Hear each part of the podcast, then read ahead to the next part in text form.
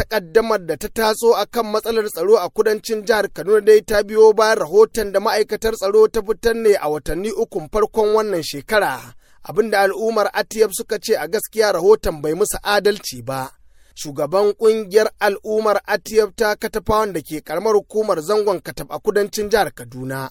Mr. Samuel Aci wanda shine ya kira taron manema labaru ya ce rahoton tsaron da jami'an tsaron suka fitar dai ya nuna yana goyon bayan Fulani. Tun 2017 ana ana ta kashe mutane a yankin kuma ga sojoji suna nan to bugu da kari kuma sai shi shugaban sojoji ya je ya gaya musu cewa abin da ya sa ana kashe mutane saboda ana poisoning shanun Fulani kuma ana kashe Fulani. Ba ku yarda da zargin da ake cewa wani lokacin Fulanin sukan zo ramuwa ne bayan an riga an taba su ba kenan. To ina ne aka yi ramuwan a ciki. Shi yaron Fulani ya je ya shiga gonan doyan wani ya fara tuge doya. Suka shiga suka gan shi suka kama shi suka kashe shi. Dukan mu mun yi tur da wannan abin da ya faru. Da ni da mai martaba muka je muka zauna da yayan yaron nan. Muka roke su su yi haƙuri kada a je ramin gayya. Za mu tabbatar duk wanda ya yi wannan abin an fitar da shi. Amma kafin kashe yaron nan an kashe mutum biyu a wannan garin da aka yi wannan abin. An yi zama ɗaya biyu uku har ya fi a ƙirga. Kuma a duk zaman nan mun yi zaman nan da Fulani mun yi zaman nan da Hausawa da mutanenmu sai a ce an daina amma ana waye gari sai su tashi shiga wani kauyen kuma su je su kashe mutane. Eh, sakona ita ce gwamnati ta fito fili ta yi abin da ya kamata. Na biyu ina kira ga su Fulanin da Hausawa su sani cewa ba wanda zai zo ya kawo mana zaman lafiya in ba mu mun zo na mun yarda da juna mu ce wannan abin ya isa ba. Sai dai kuma shugaban ƙungiyar Fulani ta miyatta Allah a jihar Kaduna Alhaji Haruna Usman Tugga.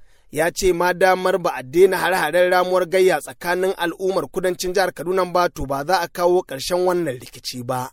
Wannan zarge-zarge ne mara tushe. Ai shi security ya zo ne kare kowa da kowa ne. Su kansu sojoji sun iya yin su yadda za a zauna lafiya. Su mutanen katafan su ne ba su ƙauna a zauna lafiya. Akwai Fulani asalin zaunannu a wurin nan sama da shekara ɗari. Sun kwashe su sun kona musu gidaje sun kore su. Ya ce ba Fulanin da suka sani ba ne yanzu suke gani. Karya ne kawai. Ba wani ba Fulatani ba ko da ke fitowa daga wani wuri ya zo. Sun ce sai an zo an yi sulhu da ku kuma daga baya sai a zo a ƙara. To ana yin sulhu su suke tsokunowa. Maimako idan ma saniya ta yi barna ne ka yi report ga hukuma su kama wanda ya yi barna a mai hukunci. Sai su je samu makiyayi su kashe shi ko kuma su sa ma shanun guba. Kawai a daina zarge-zargen wani ko gwamnati ko jami'an tsaro su daina tsokanan kowa. Kowa a bar shi idan ba fulatani ya yi laifi su a bari jami'an tsaro su kama shi su mai hukunci. Idan ba ka tafi ya yi laifi su daina ɓoye shi a fito da shi a kama shi a mai hukunci. Shine zai kawo zaman lafiya. Brigadier General Timothy Oprum shine kwamandan rundunar Operation Safe Haven da ke kula da harkokin tsaro a kudancin jihar Kaduna. Kuma ya ce bai taɓa ɗaukar wani ɓangare game da maganar matsalar tsaro a yankin ba. Na sani wai akwai damuwa, amma muna yi ƙoƙari mu sani abin da za a yi a samu zaman lafiya.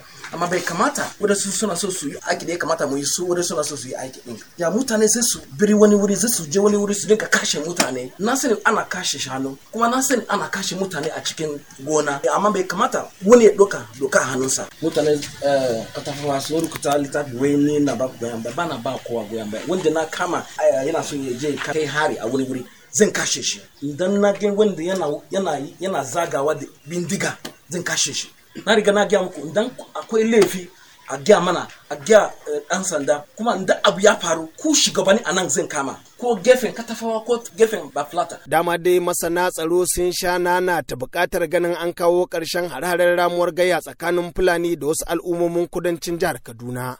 Wanda suka ce shi ne babban dalilin da ya sa hararen suka ƙici suka ƙi cinyewa.